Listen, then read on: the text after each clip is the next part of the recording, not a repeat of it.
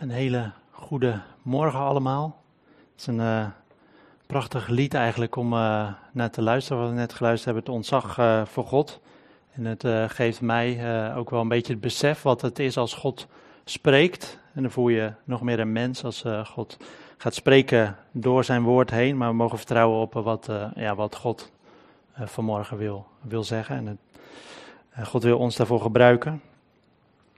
Um, ik wil vanmorgen met jullie nadenken over het, uh, het thema leven in een aards lichaam. En dat uh, had ik al een heel tijdje geleden bedacht, een beetje voor dat het uh, corona inkwam. Maar ik heb het wel laten staan. Leven in een aards lichaam. Nou, we leven allemaal in een aards lichaam. En als je jong bent, voel je je vaak sterk. En als je geen heftige ziektes gehad hebt, gezond bent, dan ervaar je niet zoveel van van uh, uh, ja, aftakeling, dat je een sterfelijk mens bent. En de ene heeft ook wel een sterker lichaam dan de ander. Als je kijkt naar atleten, die ehm, ja, kunnen soms tot enorme prestaties komen. En ehm, ja, vaak gaat dat zeg maar door tot hun dertigste, waar, waar ongeveer ze op een piek komen. Maar dan komen ze ook op een moment dat het weer gaat, ja, weer, weer gaat aftakelen. Dus waar, waar het weer minder wordt. Um, Psalm 130 die, uh, die zegt het zo. Uh, want God weet wat voor. Uh, Psalm 103, sorry. Want God weet wat voor maaksel wij zijn. En blijft bedenken dat wij stof zijn. De sterveling, zijn dagen zijn als gras, als een bloem op het veld, zo bloeit hij. Wanneer de wind erover is gegaan, is hij niet meer en zijn plaats kent hem niet meer. Er zijn uh, allemaal als die bloem. Hè. Er is een moment dat het bloeit en dat het uh, heel mooi is, uh, maar toch maar kort. en ik denk ook juist in deze tijd dat corona rondgaat, beseffen we ook hoe kwetsbaar we zijn. En ik dacht, ja, het is best ironisch eigenlijk dat zo'n klein deeltje nodig is om ons te beseffen hoe, hoe kwetsbaar we eigenlijk zijn. Uh, misschien wordt, uh, misschien wordt uh, u of jij op dit moment wel geconfronteerd met gebrokenheid in je leven, ehm, in je lichaam of, of in je psyche. En dat kan het leven heel zwaar maken. toch mogen we daarnaast ook de hoop hebben dat dit leven niet alles is. Dit leven is niet het enige waar we voor leven. Het beste moet nog komen. Dat is wat, wat Gods woord ons belooft. Uh, en voor zolang we uh, in dit leven, in dit lichaam wonen, uh, weet God wat voor maaksel wij zijn. Zoals Psalm 103 zegt. En over dat maaksel wil ik vanmorgen wat meer met jullie nadenken. En om te beginnen wil ik een paar versen lezen uit Genesis 2. Genesis 2. Vanaf vers 4 tot en met 7. Genesis 2 vanaf vers 4 tot en met 7.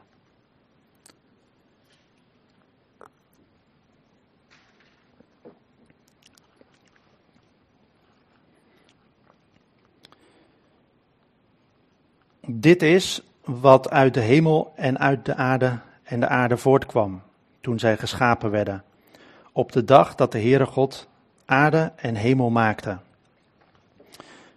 Er was nog geen enkele veldstruik op de aarde en er was nog geen enkele, enkel veldgewas opgekomen, want de Heere God had het niet laten regenen op de aarde. En er was geen mens om de aardbodem te bewerken, maar een damp steeg uit de aarde op en bevochtigde heel de aardbodem.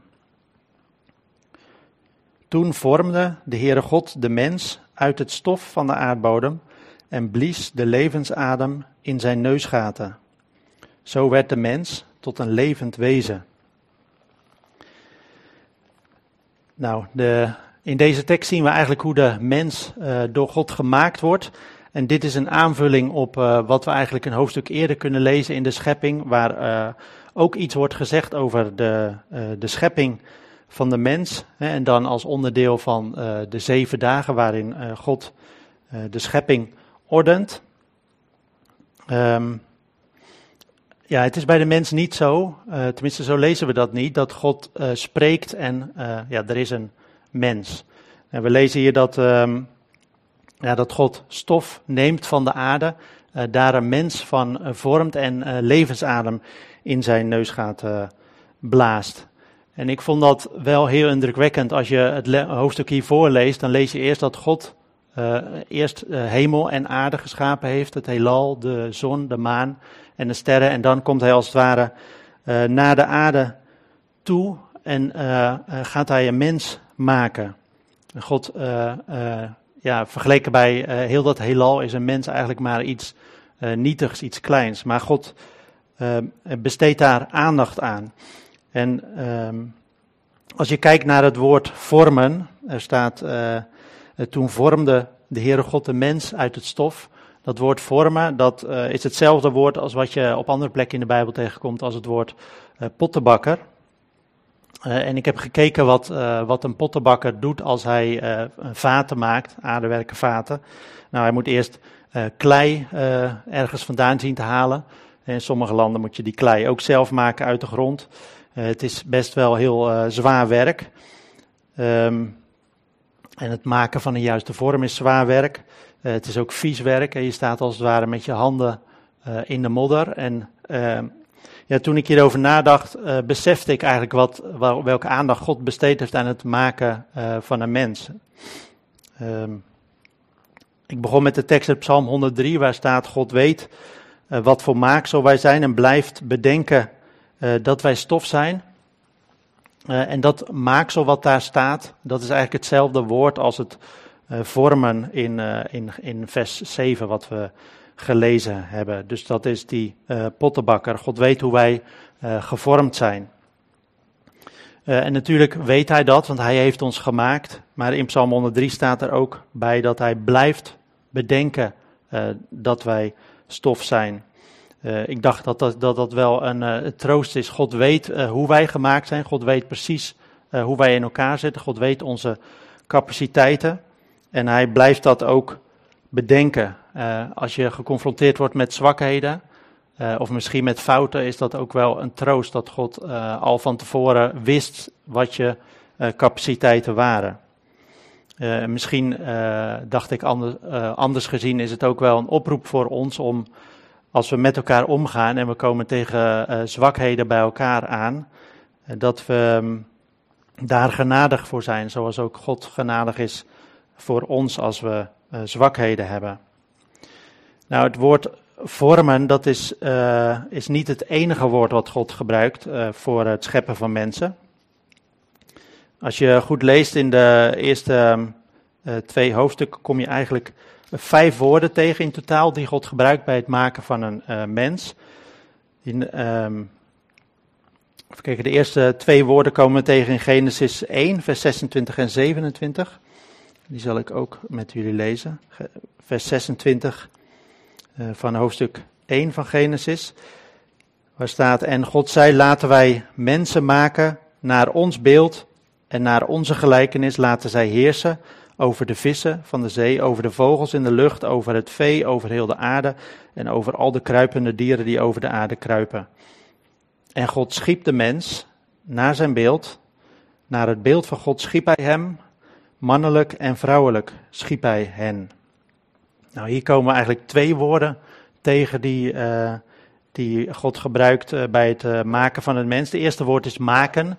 En maken is een, ja, een algemeen woord voor iets tot stand brengen, iets voortbrengen. Je zou kunnen zeggen iets produceren. Als je op andere plekken in de Bijbel kijkt, is dat hetzelfde woord als, als wat ook voor mensen gebruikt wordt als ze iets maken. Het tweede woord, wat drie keer hier naar voren komt, uh, dat uh, is scheppen. En scheppen betekent echt iets nieuws maken. En dat wordt, als je dat in de Bijbel gaat opzoeken, wordt dat alleen, in ieder geval dit grondwoord, wordt alleen gebruikt voor God die iets nieuws maakt. dus iets maken wat er, ja, wat er daarvoor nog niet was. Nou, wat ook opvalt, ik zei het al, dat woord scheppen komt drie keer hier in deze tekst naar voren.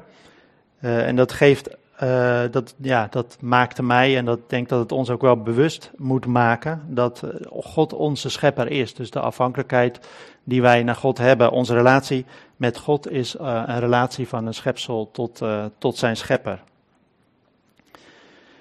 Um, ja, we lezen de tekst die ik voorgelezen heb, daar, daar gaat het over het vormen van de mens uit het stof en over de levensadem. Maar we weten niet precies welke vorm God daar koos of hoe God dat deed. En dat lezen we wel in de twee versen die ik hier gelezen heb. Het is, heel, hier wordt het duidelijk dat God de mens naar zijn eigen beeld geschapen heeft. Dus de Adam en Eva, zoals ze in het paradijs waren, die leken ook op God. en ik heb ook nagedacht van ja, waarin leken Adam en Eva op God? En ik denk dat dat drie dingen zijn. In drie facetten komt dat eigenlijk naar voren. Op de manier hoe ze toegerust waren, dus op de manier hoe ze geschapen waren, de gave capaciteiten die ze hadden. En aan de andere kant de roeping die God hen gaf. Um, maar die roeping was een voorwaardelijke. De gave die kregen ze als het ware bij de schepping, maar de roeping was iets wat ze moesten volbrengen. Maar goed, ze waren toegerust voor die roeping, dus dat konden ze ook volbrengen in afhankelijkheid. En dat is het derde, afhankelijk van God. Dus ik denk dat dat het beeld van God eigenlijk in die drie facetten ook naar voren komt. Dat ze toegerust zijn aan de ene kant, uh, dat ze de roeping uh, ontvangen om, uh, om te heersen, dus om het beeld van God zichtbaar te maken. maar ze konden dat alleen doen in afhankelijkheid van God. En ik denk dat je die drie facetten ook mooi naar voren ziet komen in het, het, vervolg van het hoofdstuk 2. Waarin, waarin we ook kunnen lezen dat God Adam de opdracht geeft om dieren een naam te geven. Um, en je ziet dan dat Adam de creativiteit heeft om een naam te kiezen die bij de dieren past. Adam begrijpt blijkbaar iets van de aard van die dieren uh, en hij geeft ze een naam. En dan zie je eigenlijk dat, dat die drie facetten bij elkaar komen. Dat Adam capaciteit heeft, dus toegerust is om de opdracht die God hem geeft uit te voeren. En God geeft hem ook die opdracht dat, de, dat die dieren ook bij hem komen. En Adam doet dat ook in afhankelijkheid van God. Er is een harmonie tussen God, Adam en de schepping, de dieren die bij hem komen. En um, ja, is, moet iets heel indrukwekkends geweest zijn om, om dat mee te maken. In ieder geval voor zover je dat voor kan stellen als je deze geschiedenis leest. Maar die harmonie tussen God, de mens en de schepping. Nou, wat, wat er eigenlijk ook gebeurt als Adam die dieren een naam geeft, die dieren die zijn waarschijnlijk in, in tweetallen bij hem gekomen, is dat hij beseft dat, uh, dat hij alleen is. En daaruit kun je opmaken dat Adam als man geschapen is. Ik heb wel eens iemand horen zeggen, ja, Adam is eigenlijk geschapen als man en vrouw en toen heeft God dat uit elkaar gehaald. Maar dat past niet helemaal bij, uh, bij hoe, je, hoe je die versen kunt lezen, want Adam die beseft dat hij alleen is.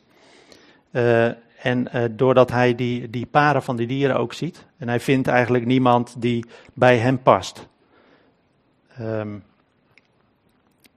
en dat is ook de aanleiding dat God um, ja, Eva voor hem schept. En daarmee komen we eigenlijk bij het vierde woord. Want ik zeg scheppen, maar dat is niet uh, wat we lezen. In Genesis 2, vers 22 lezen we dat.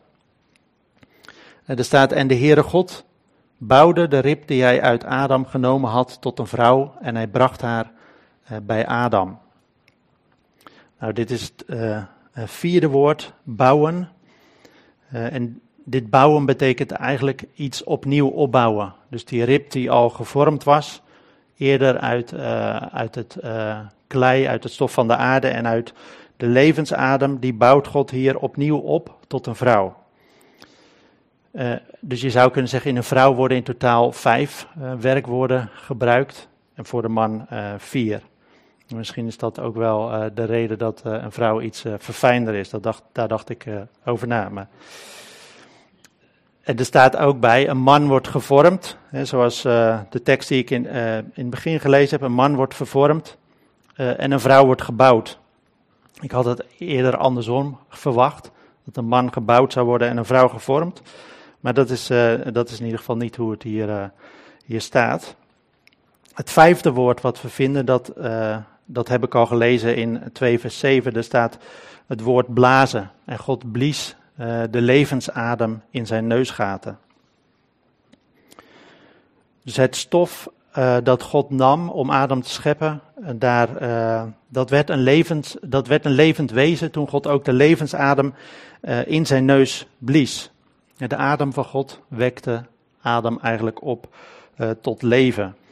En uh, het vormen van een mens, ik heb dat uh, ja, net eigenlijk een beetje voorgesteld als dat God eerst uh, een mens maakte van klei en daar adem in blies. Maar ik weet niet zeker of dat, dat zo gebeurd is. Als je goed naar het vers kijkt, dan zou het ook wel één, één, um, één actie, één gebeurtenis geweest kunnen zijn.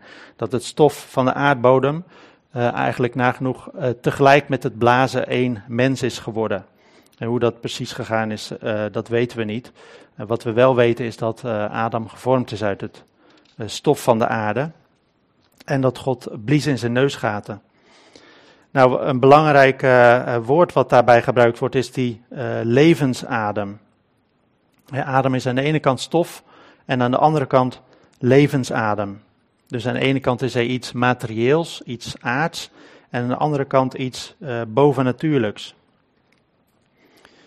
Um, het geeft ook iets aan, denk ik, uh, in eerste instantie een verschil tussen uh, Adam en de dieren. Als je gaat kijken hoe de dieren geschapen worden, staat ook dat God hen vormde uit de aardbodem, dus van het stof van de aarde. Uh, maar er staat niet dat God zijn levensadem inblies.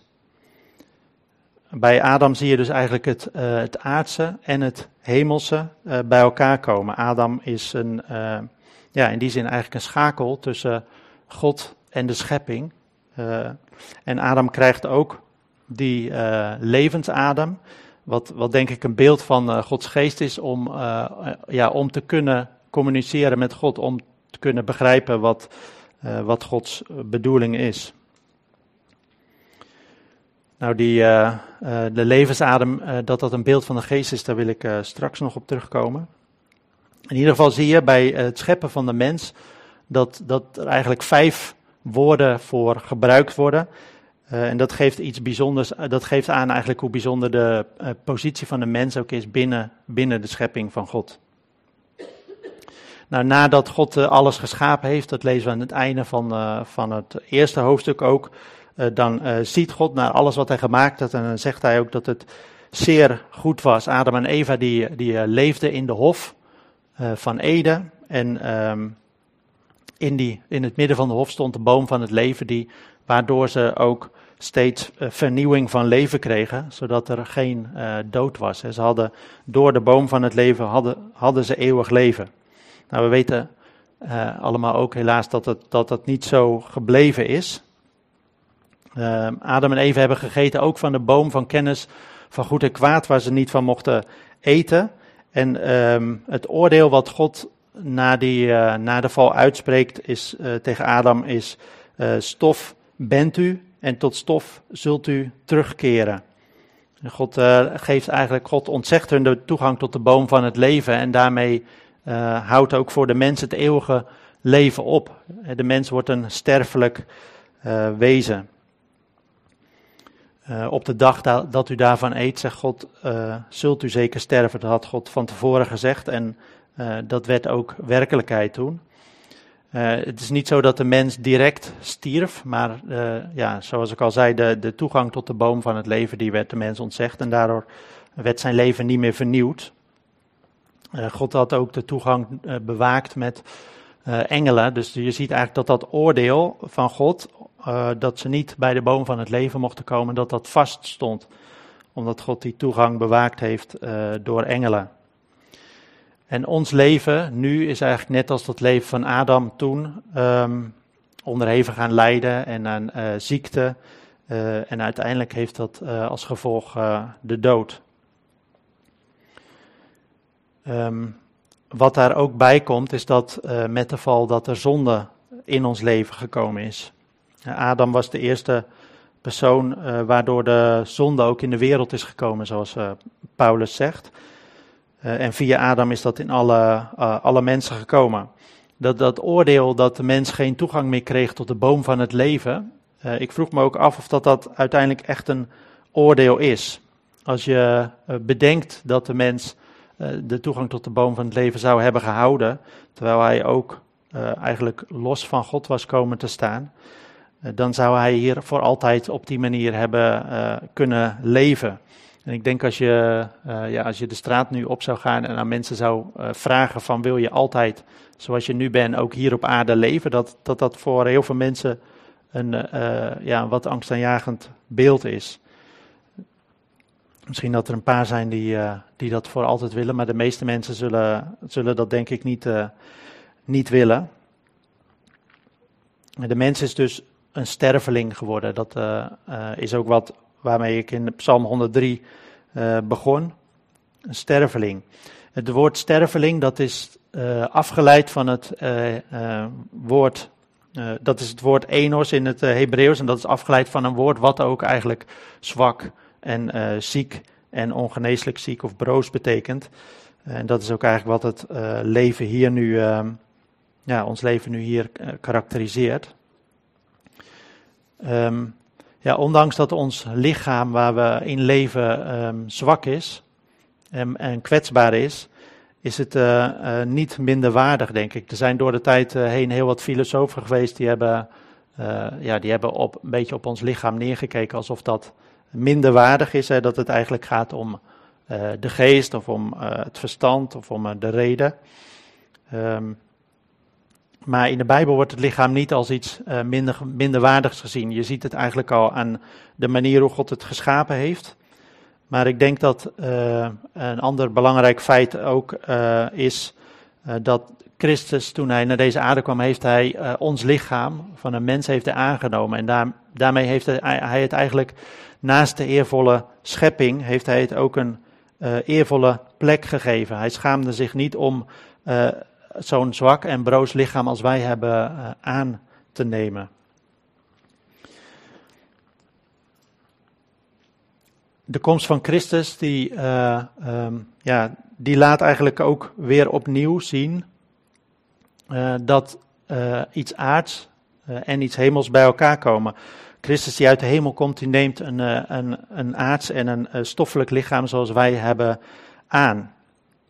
En uh, wat je eigenlijk in de komst van Christus ziet, is dat de roeping die Adam had om uh, als brug tussen God en de schepping te staan, uh, die Adam niet kon waarmaken, die neemt Christus eigenlijk op zich.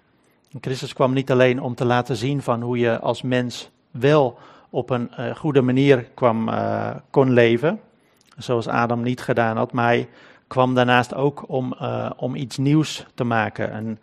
Uh, nieuwe schepping. En uh, het andere, door zijn lijden en zijn opstanding heen, is voor ons de weg weer geopend naar eeuwig leven met God.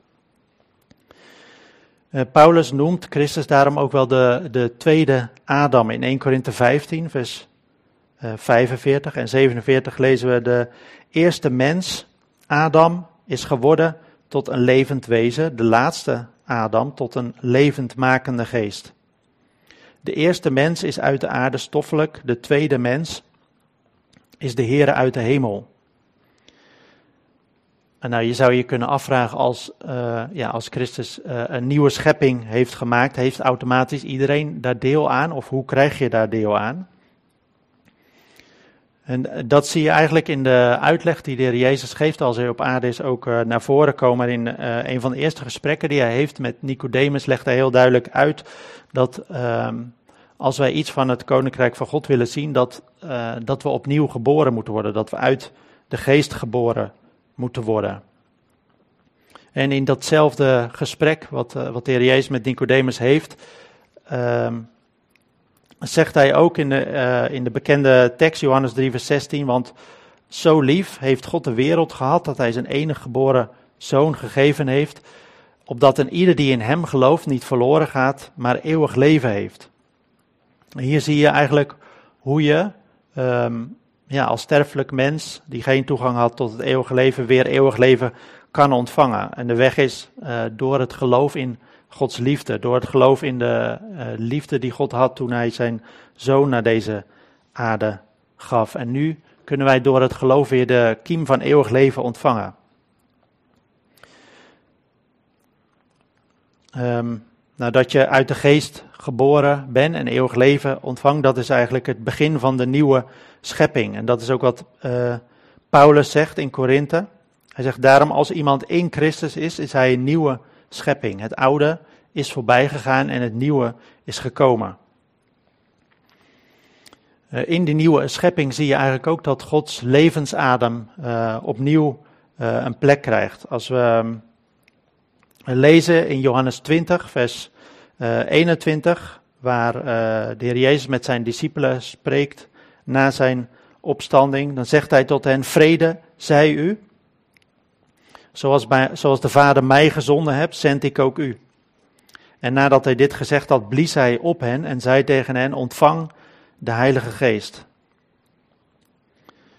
Uh, en hier zie je die, uh, ja, die drie aspecten die ik eerder bij Adam ook genoemd he, heb. Uh, die zie je weer terugkomen, die aspecten van toerusting, roeping en afhankelijkheid. Maar nu in de, in de nieuwe schepping. de discipelen die worden toegerust om in de nieuwe schepping een, een plek te hebben. Om eigenlijk het beeld van God te laten zien doordat ze de Heilige Geest ontvangen. De Heilige Geest geeft hun... Um, ja, de toerusting, de capaciteiten die ze nodig hebben voor die roeping. Nou, je ziet in dat vers, Johannes 20, ook heel duidelijk de, de roeping. Uh, de heer Jezus zegt, zoals de Vader mij gezonden heeft, zo zend ik ook u. Um, dus de discipelen die worden gezonden door de Heer Jezus. Uh, en uh, je ziet ook de afhankelijkheid in die roeping. En zoals uh, Christus met de Vader geleefd heeft in afhankelijkheid, zo zendt Christus ook zijn discipelen uit, zodat ze die taak, die roeping die ze krijgen, ook in afhankelijkheid met Hem zullen volbrengen. Nou, een hele bekende tekst die we in de gemeente ook vaak noemen, dat vinden we terug in Efeze 2, vers 8 tot 10. Daarin zien we ook duidelijk hoe het geloof de doorgang is naar de nieuwe schepping en hoe we een nieuwe roeping krijgen. Ik zal hem voorlezen, Efeze 2, vers 8. Want uit genade bent u zalig geworden door het geloof en dat niet uit u. Het is de gave van God, niet uit de werken opdat niemand zou roemen. Want wij zijn zijn maaksel, geschapen in Christus Jezus om goede werken te doen, die God tevoren bereid heeft, opdat wij daarin zouden wandelen. En doordat uh, wij uh, uh, het maaksel zijn en in Christus geschapen zijn, zijn we toegerust voor de taak in de nieuwe schepping die God voor ons heeft. Nou, de roeping die we hebben, dat is te wandelen in die goede werken. En afhankelijkheid zie je eigenlijk terug in het feit dat wij in Christus zijn geplaatst. En dat we uh, in Christus die goede werken zullen doen. En die, uh, die voor ons voorbereid zijn. En wat we in de eerste schepping zagen was eigenlijk de harmonie tussen God en uh, de mens. God en Adam en ook de schepping. Um, en in de, nieuwe, in de nieuwe schepping zien we iets eigenlijk van die harmonie weer terug. En hoe um, de mens gaat uh, leven volgens de geboden die God voorbereid heeft, voor de, volgens de werken die God voorbereid heeft en in afhankelijkheid van Hem. Alleen die, in de, derde, de derde partij eigenlijk in die harmonie ontbreekt nog en dat is de schepping. En we hebben nog steeds ons aardse lichaam, wat gebroken is.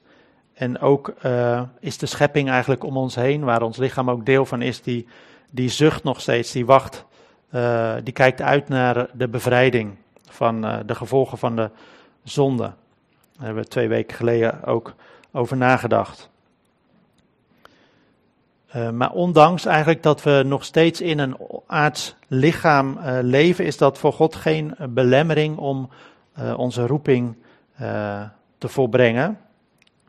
we lezen in 2 Korinthe 4, vers 7. Wij hebben deze schat in aarde kruiken, opdat de alles overtreffende kracht van God zou zijn en niet uit ons. die aardekruik, dat is eigenlijk een beeld van ons lichaam, wat gemaakt is uit aarde. En ehm, die schat, dat is die, de Heilige Geest die we hebben ontvangen. Die dragen we in aardevaten. En maar wat deze tekst eigenlijk zegt, is juist uh, dat God juist door die zwakheid heen wil werken. Dat is nu uh, de manier hoe God uh, werkt. Dus we hoeven niet bang te zijn dat onze zwakheid een belemmering is voor God, maar God wil daardoorheen juist werken. nou, wat we gezien hebben ook toen Adam geschapen werd, dat hij geschapen werd naar zijn beeld. En wat we in de nieuwe, dat zien we in de nieuwe schepping eigenlijk ook weer terugkomen. Wij worden uh, opnieuw geschapen in, in Christus.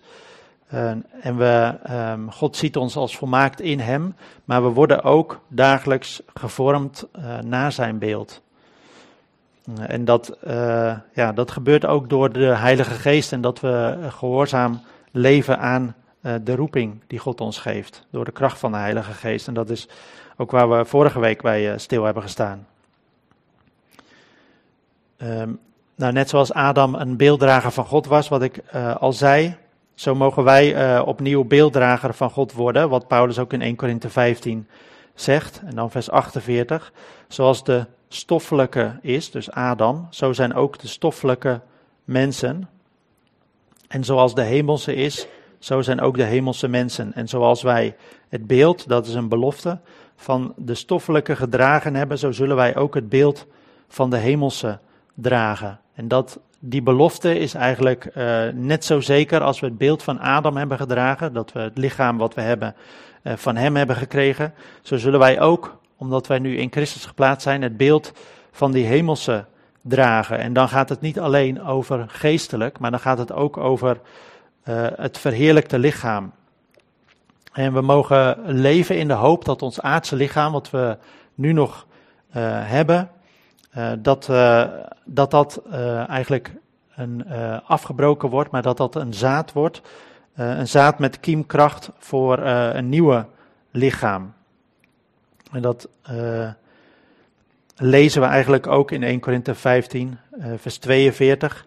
Er staat: Zo zal de opstanding van de doden zijn. Het lichaam wordt gezaaid in vergankelijkheid, het wordt opgewekt in onvergankelijkheid. Het wordt gezaaid in oneer, het wordt opgewekt in heerlijkheid. Het wordt gezaaid in zwakheid, het wordt opgewekt in kracht.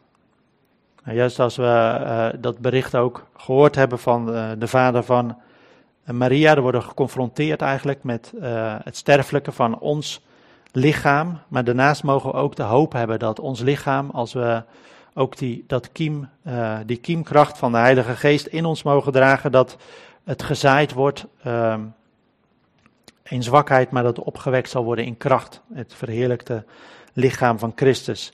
En dat lezen we ook nog in vers 20 van, hoofdstuk, uh, van 1 Korinthe 15, vers 20.